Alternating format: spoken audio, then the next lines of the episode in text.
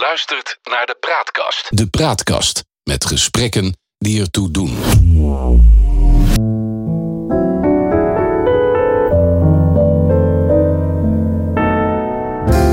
De geschiedenis herhaalt zich nooit, maar rijmen doet die vaak wel. In het geheugenpaleis gebruiken we dat gegeven om dieper in te gaan op de actualiteit. Zo gaan we aan de waan van de dag voorbij en bereiken we de kern van het nieuws. Scheppen we orde in de maalstroom van berichten die het zicht op grote lijnen belemmeren. We ontdekken wat werkelijk belangrijk is. Tussen beiden blijkt dat de werkelijkheid vaak genoeg elke fantasie te boven gaat. Ik ben Han van der Horst en ik treed vandaag buiten mijn rol, want voor de verandering gaan ik John interviewen. Dat komt omdat hij terug is van een uitgebreid bezoek aan een van de belangrijkste landen ter wereld met meer dan 230 miljoen inwoners, Brazilië. Ja. Uh, John, je bent naar Bauru geweest. Ja. Dat is een stad, daar hebben weinig mensen van gehoord. Nee, dat is een stad uh, die ligt in de provincie Sao Paulo. En ligt daar ongeveer 400 kilometer vandaan. En uh, ja, Sao Paulo is eigenlijk het economisch hart uh, van Brazilië. In Sao Paulo zelf wonen meer dan 20 miljoen mensen. Een gebied waar heel veel economische activiteit samenkomt. En Bauru is een ja, gemiddelde provinciestad in, in, in de provincie van Sao, van Sao Paulo. Er wonen ongeveer 400.000 mensen. En ja, daar leven ze van uh, agro-industriële activiteit, zoals dat dan zo goed en uh, zo netjes mogelijk heet. En dan moet je denken aan uh, suiker en alcohol. Die wordt van de suiker gemaakt. En daarnaast worden het onder andere schoenen gemaakt. en, en zijn er allerlei ja, andere industrieën die te maken hebben, vooral met landbouw, maar ook met veeteelt. Alcohol zeg je, is het dan Ja. zo'n drankstad? Ja, je moet weten dat, uh, dat uh, in, uh, in Brazilië heel veel auto's op ethanol rijden. Wat een, een soort van alcohol is. En die wordt gemaakt van, van suikerriet. Dus in plaats van olie, benzine, rijden ze daar op alcohol. En weet je nog wat een litertje daar nu kost op het moment? nou, het is wel wat goedkoper dan in Nederland. Maar toen wij er waren, was mede door de gebeurtenissen in uh, Oekraïne en uh, ja, de stijgende olieprijs als gevolg daarvan, werd de benzine uh, ineens 25% duurder. En dat was wel groot nieuws daar, want dat is natuurlijk heel veel geld, 25% ineens. Wat betekent dat voor de gemiddelde Braziliaan als hij een autootje heeft en hij moet 25 procent ja. betalen? Ja. En nou toch bezig ben, uh, ging de alcohol ook 25 procent omhoog? Ja, die zijn daar natuurlijk aan gekoppeld, dus die, die hobbelen daar uh, achteraan. Dat zijn nou eenmaal hoe de marktprijzen, hoe, dat is nou eenmaal hoe de marktprijzen werken. Uh, Brazilië is een land wat eigenlijk altijd heeft gekampt met hoge inflatie. Uh, in de afgelopen jaren is dat uh, weer toegenomen. Onder, uh, nou laten we zeggen, tien jaar geleden tot een jaar of vijf, zes geleden, zeven geleden. was de inflatie wel weer wat beteugeld. Maar het laatste jaar, door de economische teruggang ook, neemt de inflatie weer toe. En dat betekent dat ja, mensen daar ook aan, aan lijden. We hebben gesprekken gehad met mensen die zeggen: ja, we gaan voorlopig niet reizen naar het buitenland, want dat is gewoon te duur voor ons geworden. Want in het kielzog van die stijgende inflatie is ook de waarde van de Braziliaanse real weer gedaald, waardoor ook allerlei producten, zoals vliegreizen en dat soort zaken, weer uh, duurder worden. En ja, door de hele coronapandemie is heel veel economische activiteit uh, gestaakt. Uh, mensen gingen minder uit. Er kwamen minder toeristen uh, op uh, bezoek.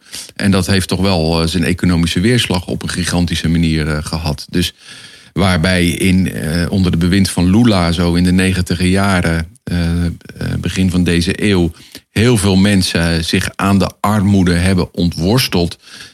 zijn er toch in de afgelopen twee jaar weer heel veel mensen in die armoede terechtgekomen. Dus ja, als de benzineprijzen stijgen, dan voelt iedereen dat. Je moet je voorstellen dat het openbaar vervoer daar uh, niet zo is zoals wij ons dat voorstellen. Brazilië heeft vroeger wel spoorwegen gehad. Maar ja, we weten natuurlijk dat overal op de wereld spoorwegen zwaar gesubsidieerd moeten worden. Nou, dat is in Brazilië eigenlijk gewoon niet gelukt. Dus daar zijn de spoorwegen grotendeels gestopt. En dat betekent dat je op, van het vervoer, zeker op korte afstanden, gewoon afhankelijk bent van, van de auto. Dus iedereen moet eigenlijk een auto hebben. En die maken ze zelf, hè? Ja, er worden heel veel auto's gemaakt in, eh, in eh, Brazilië. Eh, meestal wel van, van bekende merken. Maar over het algemeen zijn die auto's duurder dan in Europa. En de materialen die gebruikt worden, die zijn ook een stuk slechter. En je moet je ook voorstellen dat de wegen niet van het niveau zijn in heel veel steden zoals wij gewend zijn. Dat betekent dat er nogal wat gaten in de weg zitten. En dat betekent dat als je in een taxi zit, je ook maar gewoon in een taxi kan zitten waar de vering helemaal van naar de galamise is. Ja. Um, voor we verder gaan, ja. uh, Woerden is de meest gemiddelde stad van Nederland. Dat ja. van jou, is dat het Woerden van Brazilië? Nee, het is misschien het woorden van Sao Paulo, maar niet het woorden van Brazilië. Ik zeg altijd, Brazilië, dat bestaat niet. En dan kijken mensen mij vreemd aan en zeggen, hoezo denk je dan dat Brazilië niet bestaat? Het is, een van de, het, is het vijf na grootste land van de wereld met uh, een gigantische uh, bevolking. Maar het is zo uitgestrekt. Je moet je voorstellen dat je ergens vanuit uh, Scandinavië naar diep in, um, uh, in Noord-Afrika vliegt. En dan heb je de afstand van Noord naar Zuid-Brazilië heb je genomen. Ja, je kan toch ook moeilijk zeggen dat Europa als zodanig bestaat. Dat is gewoon heel divers. En dat geldt ook voor, uh, voor Brazilië. Er zijn, er zijn gebieden die zijn uitermate economisch ontwikkeld, waarbij je een een voorspoed hebt en, en, een, en een welvaart die, die verder gaat eh, dan de onze in bepaalde bubbels. Sao Paulo is daar een voorbeeld van. Maar met name in het noorden van, uh, van Brazilië. Uh, ja, daar zijn nog gebieden die ongelooflijk arm zijn. En waar de ontwikkeling niet zo ver is doorgevoerd als in andere delen van Brazilië. En ja, het is ook het is zo'n gigantisch land dat het heel moeilijk is om te zeggen, ja, wat is daar nou het woorden van, wat is het woorden van Brazilië? Dat bestaat niet. Dus Bauru is, als je dit allemaal optelt, ja. begrijp ik uit je contexten, voor Braziliaanse begrippen een behoorlijk rijke stad.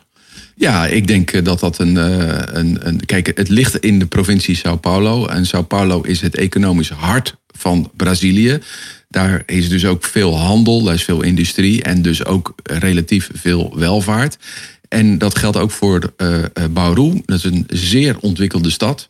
Uh, waar je uitstekend kan eten. Waar uh, mensen een goede opleiding hebben. En waar ja, gewoon ook bedrijven zijn die hoogtechnologie, hoogtechnologische verwerkingen doen. Ja.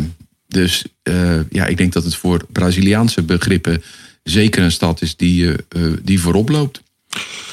Uh, toch heb je me in een voorgesprek gezegd dat de mensen daar heel hard werkten voor weinig. Ja, wat, wat mij opvalt als ik in buitenlanden ben, en nu ben ik weer eens in Brazilië, en dan denk ik, wat een luiheid, wat een verwendheid, wat een, uh, wat, wat een aanspraken maken wij. Uh, en dan heb ik het die kwalificaties, die wil ik dan loslaten op een gemiddelde Nederlander. Wij, en met name de jongere generaties, zijn een verwend, lui volk geworden. Als ik in Nederland in de bouw kijk, zie ik alleen maar mensen uit Oost-Europa die daar werken. Met nog eens een keer een verdwaalde Nederlandse monteur of loodgieter. Als ik in de horeca kijk in Nederland, wordt die voor een groot gedeelte overigens, net als in Londen, uh, bevolkt door mensen die daar bedienen, die, die geen uh, van oorsprong Nederlandse achtergrond hebben. En dan vraag ik me af, waar zijn al die Nederlanders? En dan voer ik wel eens gesprekken met jongeren. En die zeggen dan, ja, ik ga drie dagen werken per week, want dan heb ik ook nog tijd voor andere dingen. Het hedonisme hier heeft echt op een verschrikkelijke manier post, post gevat. En heb ik het hier dus over Nederland. En als ik het dat dan vergelijk met Brazilië, daar zie je dat mensen gewoon ongelooflijk hard werken. Hard buffelen. Sommigen hebben twee banen om ervoor te zorgen ja, dat zij in hun levensonderhoud kunnen voorzien. Ze zijn allemaal druk bezig om een, om een huis uh, uh, te kopen, om een carrière te maken. Ze zijn serieus met hun opleidingen. Um, en dat, ja, dat is ook wel nodig, want het sociale vangnet, zoals we dat hier kennen, dat kennen we in Brazilië niet. Dus als je niet werkt, dan eet je ook niet. Want daar komt het dan eigenlijk op neer.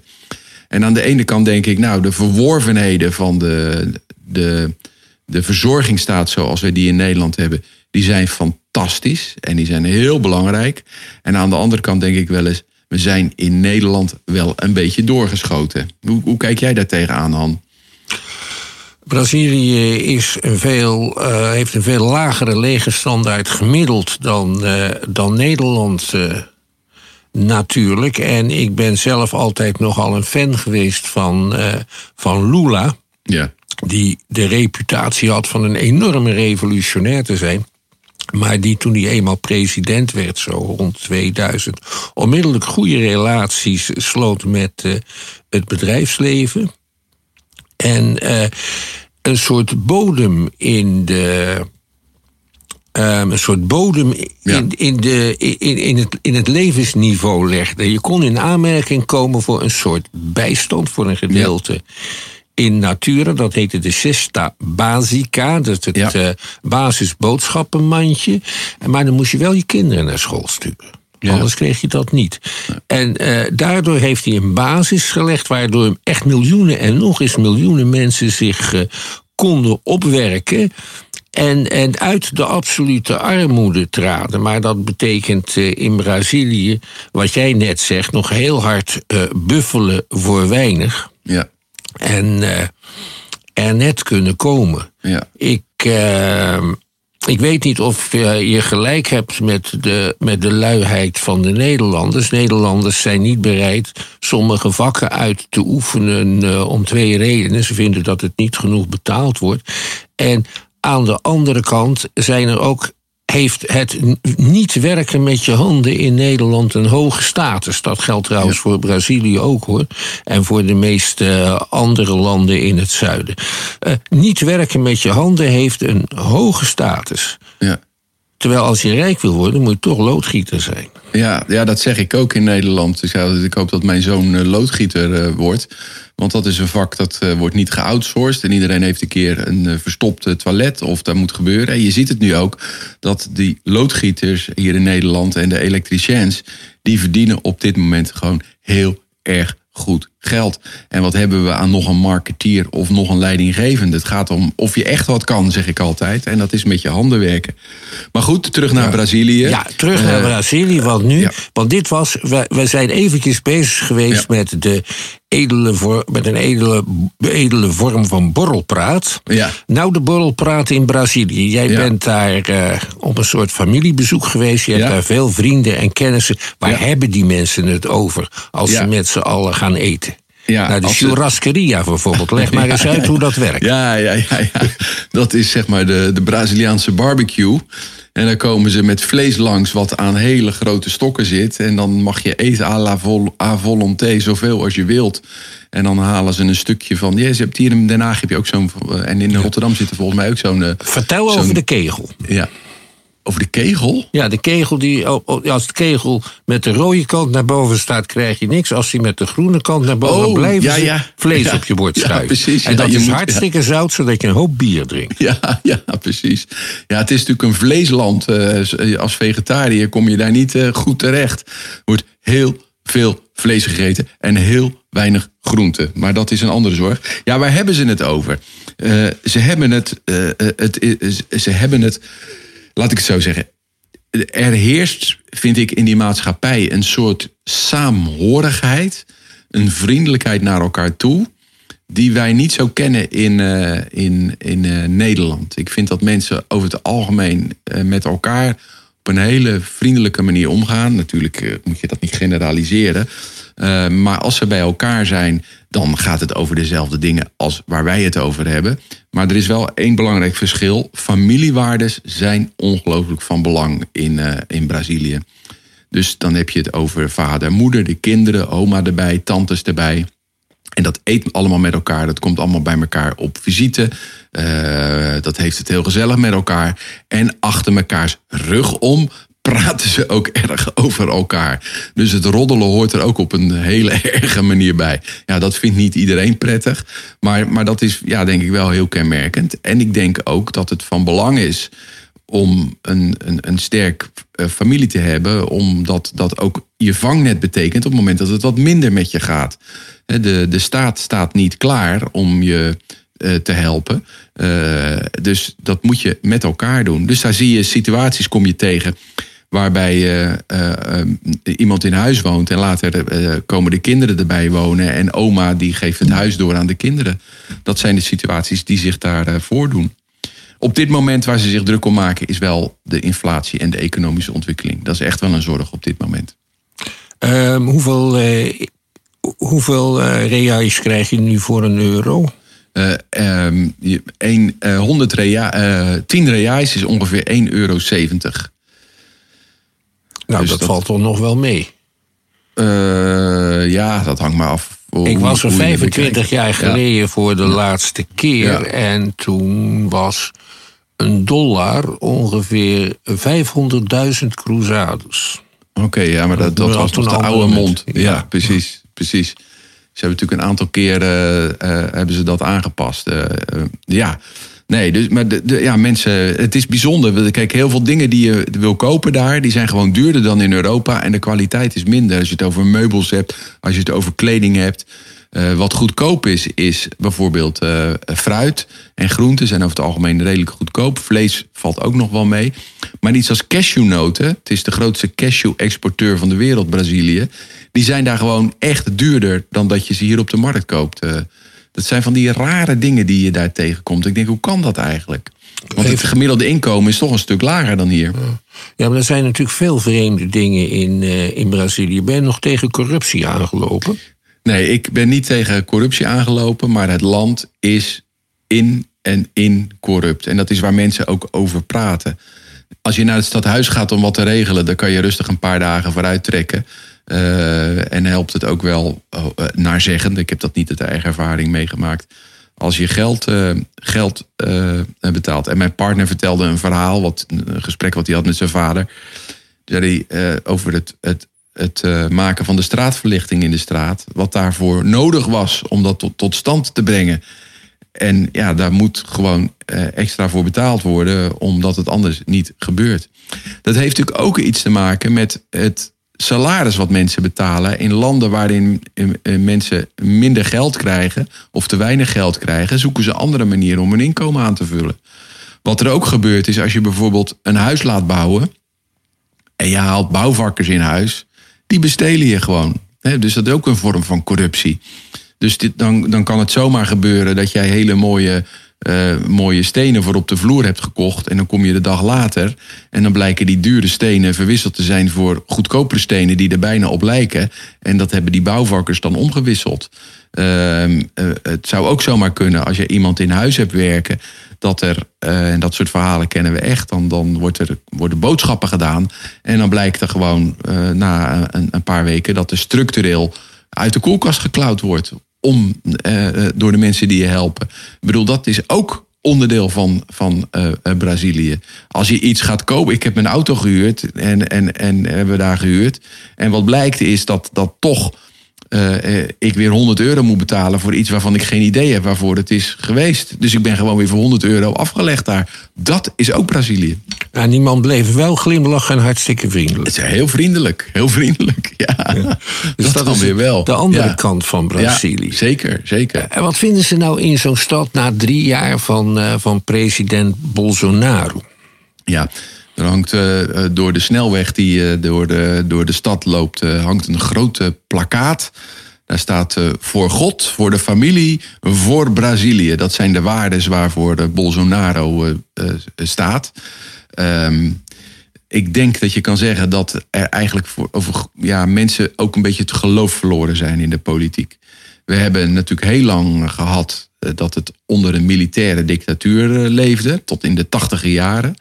Nou, daarna is eh, na verloop van tijd eh, de Socialistische Partij eigenlijk aan de macht gekomen met Lula. Maar Lula is uiteindelijk in de gevangenis verdwenen, omdat, die, omdat bleek dat ze op grote schaal dat daar eh, corruptie gepleegd werd met allerlei overheidsgeld, met name van Petrobras. Nou, daaruit achter eh, bij de nieuwe verkiezingen is eigenlijk Bolsonaro, die een soort eenling was, naar voren gekomen. Maar ja, die staat toch ook weer eh, onder de aandacht. Met name zijn zoon schijnen dan dingen weer gedaan te hebben. Weet je, ik kan me voorstellen dat als je dat ziet, dat je als gewone burger, dat je denkt, ik heb daar geen zin meer in. In deze volledige corrupte bende die er zit. Dus wat vinden ze na, na een aantal jaren Bolsonaro? Aan de ene kant halen ze hun schouders erover op. Ja, het zal wel. Het is verschrikkelijk. Maar als je dan kijkt, wat is het alternatief? Dan blijft het ook stil. Want iedereen die eigenlijk deel uitmaakt van die politieke cultuur, moet op een of andere manier wel vuile handen hebben. Want anders kom je er überhaupt niet in. We zijn in, in, in, in uh, Rio Janeiro in het grote stadion geweest. De Mar Maracarena heet dat volgens Maracanang. mij. Mara ja, precies. En, en daar hing een grote plaquette van allerlei mensen die daarbij betrokken waren toen dat stadion gerealiseerd werd. Die allemaal bedankt werden daarvoor. Waarop mijn partner zegt: Ja, al die mensen zitten nu in de gevangenis vanwege corruptie. En zo'n stadion zou, als we het hier zouden uh, kosten, uh, uh, ik denk ja, 20, 30 procent goedkoper zijn dan als je het daar maakt. Want die 30 procent die verdwijnt gewoon in allerlei, in allerlei zakken. En het is nooit, ja, dat, en dat is natuurlijk subtiel. Hè? En, en ik vind ook, je moet oppassen met corruptie. In, in Den Haag gelden andere normen dan in Limburg. En in Limburg gelden andere normen dan in België. En in Italië is het weer anders.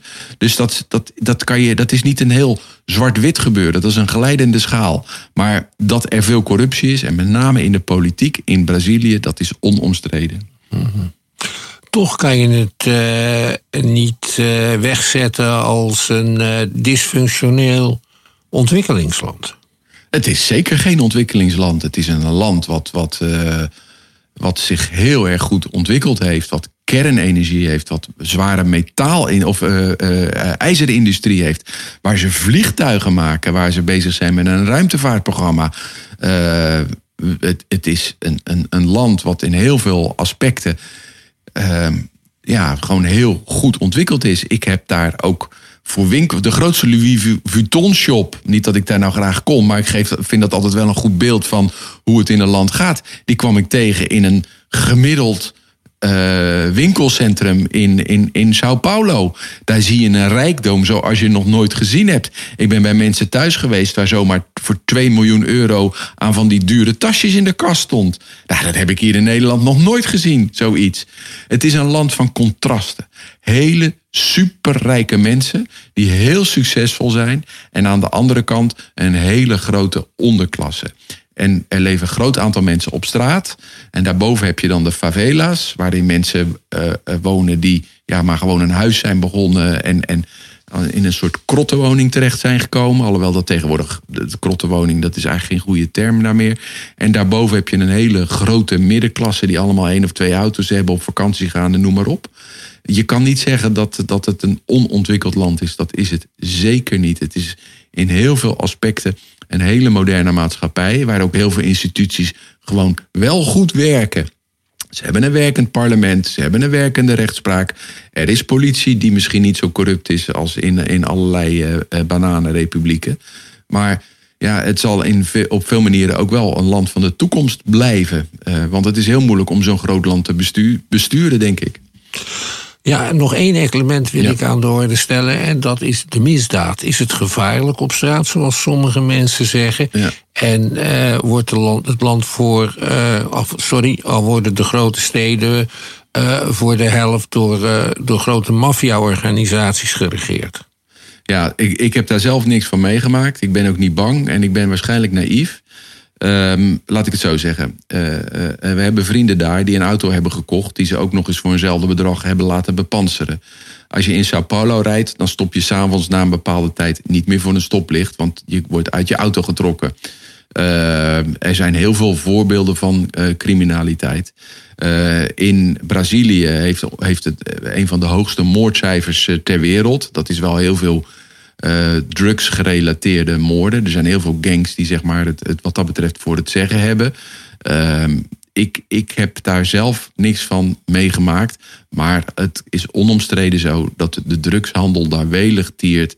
Uh, en, en dat er wat dat betreft veel criminaliteit is. En het op sommige plekken gewoon echt onveilig is. S'avonds niet op straat gaan in bepaalde wijken. Zorgen dat je als je op straat gaat, dat je geen dure klokjes bij je hebt. Dat zijn allemaal voorzorgsmaatregelen die je wel moet nemen. Toch heb ik nog één slotvraag. Stel ja. dat de wereld verzeild raakt in een echt een hele zware crisis. Al dan niet veroorzaakt door de oorlog in Oekraïne. Ja. Welke maatschappij is tegen zo'n crisis beter bestand? De Braziliaanse of de Nederlandse? Ja, dat is ontegenzeggelijk wat mij betreft eh, de Braziliaanse maatschappij. Uh, omdat mensen daar gewend zijn om met armoede te leven, om eh, te hosselen en om toch in hun levensonderhoud te, te, voorzien.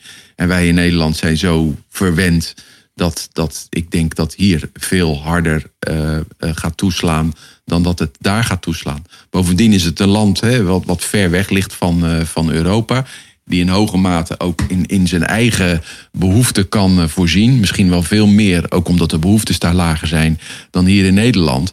Dus ja, ik denk dat dat Brazilië is. Ik weet niet hoe jij daar tegenaan kijkt. Nou, ik denk dat je daarin uh, gelijk hebt. Ik denk dat Nederland is veel te georganiseerd om een crisis te doorstaan. Ja. Ik zeg altijd, en dat zeg ik al heel lang, de toekomst is aan de chaoten. Ja, en waarom zeg je dat? En niet aan de mensen die plannen en beleidsnota's schrijven.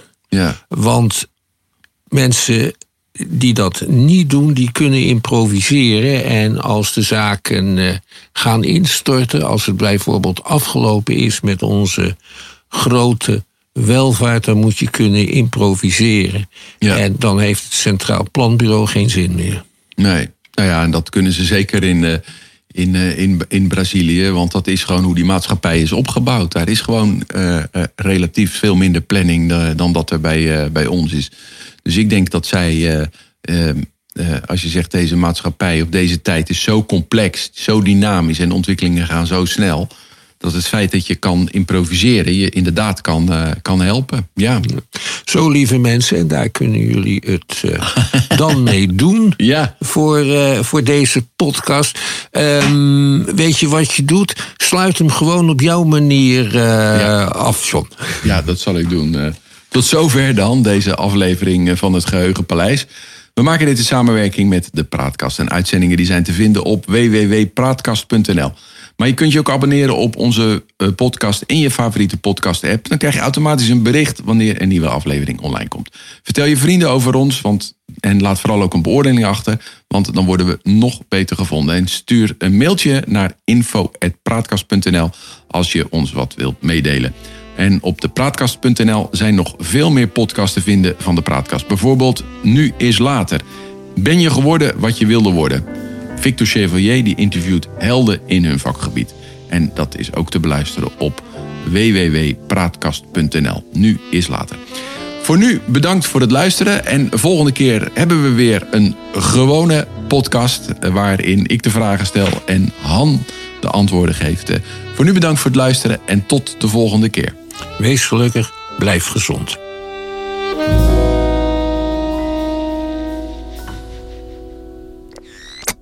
De Praatkast.